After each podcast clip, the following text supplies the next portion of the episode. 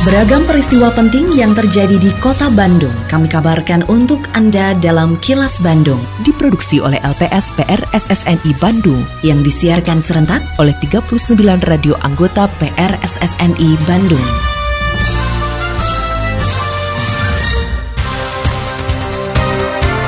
Sejumlah informasi aktual kami hadirkan untuk Anda dan inilah informasi utamanya. Tidak ditemukan kasus difteri di kota Bandung. Menjelang tahun ajaran baru, DPRD Kota Bandung soroti PPDB. Radio Challenge Seru PR SSNI Bandung diapresiasi pemenang. Saya, Santika Sari Sumantri, inilah kelas Bandung selengkapnya.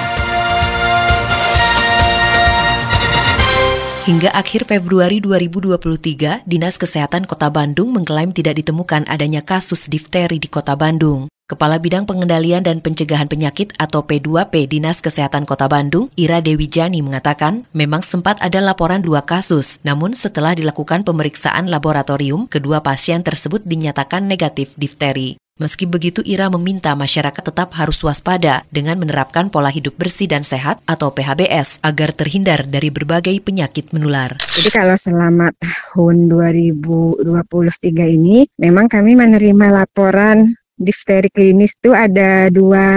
Nah, kalau ada laporan gitu kan harus segera ditindaklanjuti dengan melakukan penyelidikan epidemiologi. Jadi kita PE, terus sampelnya kita ambil, dikirimkan ke lab pemeriksa untuk dikultur dan alhamdulillah neng hasilnya mah dari dua orang itu negatif gitu. Jadi kalau Bandung sih sampai hari ini ya mudah-mudahan sih nggak ada belum ditemukan kasus konfirmasi difteri di Kota Bandung.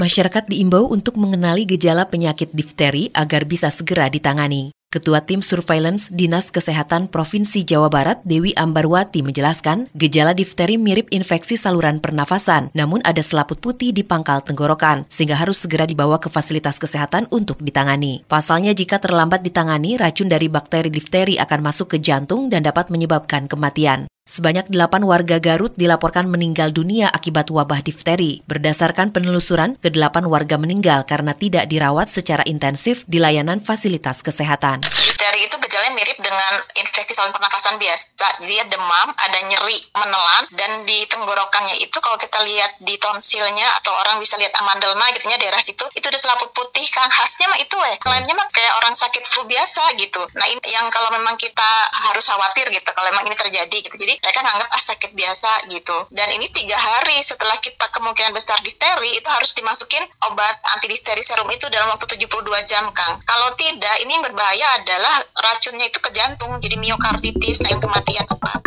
Kasus nekrosis pulpa atau kematian jaringan pada pulpa menjadi keluhan yang paling banyak diterima Rumah Sakit Khusus Gigi dan Mulut atau RSKGM Kota Bandung sepanjang tahun 2022. Pelaksana tugas Direktur RSKGM Kota Bandung, Lucianti Puspitasari mengatakan, ciri-ciri nekrosis pulpa berupa lubang gigi yang sudah besar dan warna gigi berubah menjadi buram. Selain itu biasanya ada penumpukan bakteri dan kuman sehingga terjadi pembengkakan. Menurut Lucianti, nekrosis pulpa harus segera ditangani karena dapat mengakibatkan peradangan akut bahkan bisa berujung kematian. Hal ini karena gusi yang bengkak akan mempengaruhi rongga tenggorokan sehingga membuat pasien sulit bernafas. Paling banyak itu adalah eh, nekrosis pulpa, kematian jaringan pulpa, 27 ribu setahun ya. Di DKK kalau di RSKGM 9 eh, ribu kasus yang dirawat di RSKGM ya penyebabnya tadi karena mungkin masih kurang untuk upaya-upaya pencegahan yang dilakukan di rumahnya masing-masing. Dari hasil survei itu memang banyak ditemukan kelainan gigi itu pada usia 5 sampai 9 tahun pada anak-anak. Kalau udah dewasa itu pada usia 45 tahun ya ke atas itu sudah karies, sudah sudah mulai berubah. Suara DPRD Kota Bandung. Menjelang datangnya tahun ajaran baru, maka pelaksanaan penerimaan peserta didik baru atau PPDB akan kembali dimulai. Sejumlah keluhan yang sering terjadi saat PPDB tahun ini diharapkan bisa semakin teratasi. Menanggapi hal tersebut, anggota Ketua Komisi D DPRD Kota Bandung, Aris Supriyatna, mengapresiasi pelaksanaan PPDB di Kota Bandung yang semakin baik. Menurutnya dalam pelaksanaannya tahun ini, peraturan wali kota atau perwal tentang PPDB perlu disesuaikan dengan kondisi saat ini, seiring sudah kembali normalnya kegiatan belajar mengajar di sekolah. Meski begitu, politisi PDIP ini menyatakan perwal PPDB tersebut harus menjamin tidak ada anak usia PAUD hingga SMP yang tidak bisa bersekolah karena ada masalah pada penerimaan siswa baru. Jadi artinya perwalnya harus eh, disesuaikan dengan situasi dan kondisi di tahun 2023 ini. Tapi intinya mungkin kalau dari kami atau dari saya di Komisi D, yang paling penting kan si perwal ini harus menjamin terlaksananya penerimaan siswa baru bagi PAUD SD SMP dengan satu prinsip yaitu jangan sampai ada satu orang pun warga kota Bandung terlepas dari status sosialnya apa yang tidak sekolah dikarenakan adanya permasalahan uh, sistem penerimaan siswa baru itu prinsip dasarnya yang harus ditekankan. Kini, audio podcast siaran Kilas Bandung dan berbagai informasi menarik lainnya bisa Anda akses di laman kilasbandungnews.com.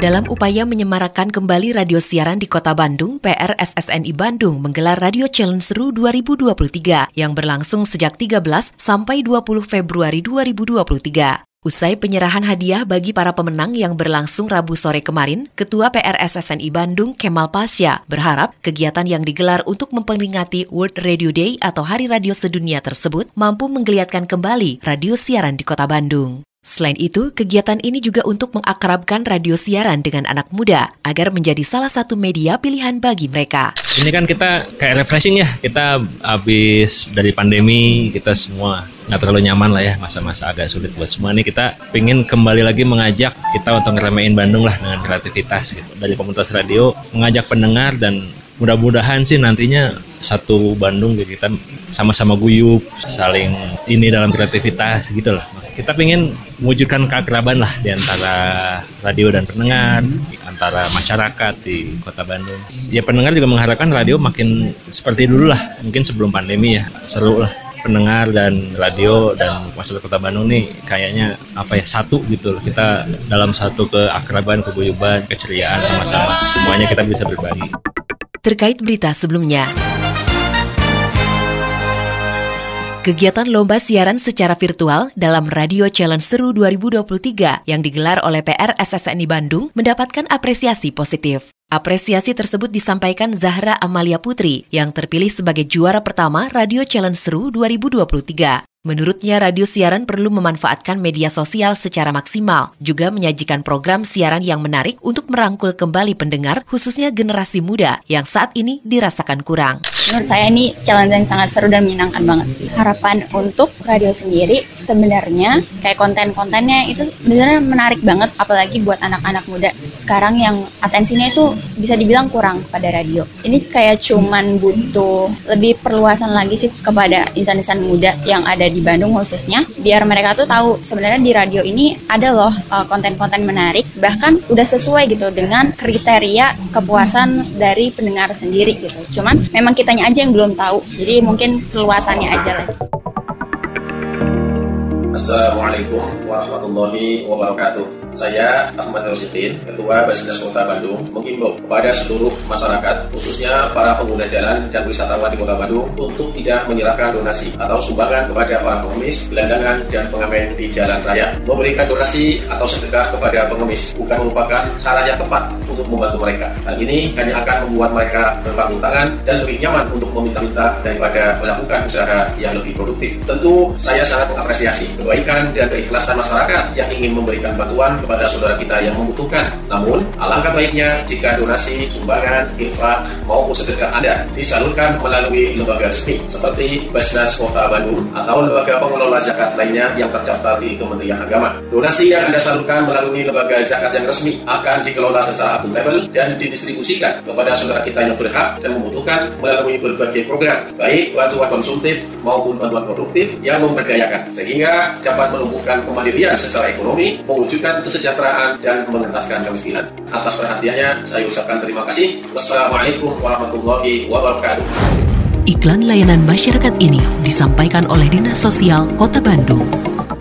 Tetap patuhi protokol kesehatan sebagai kebiasaan baru dalam berbagai aktivitas karena pandemi COVID-19 belum usai. Dapatkan dosis vaksin COVID-19 secara lengkap untuk meningkatkan antibodi dan efektivitas vaksin di dalam tubuh. Terima kasih Anda telah menyimak kilas Bandung yang diproduksi oleh LPS PR SSNI Bandung.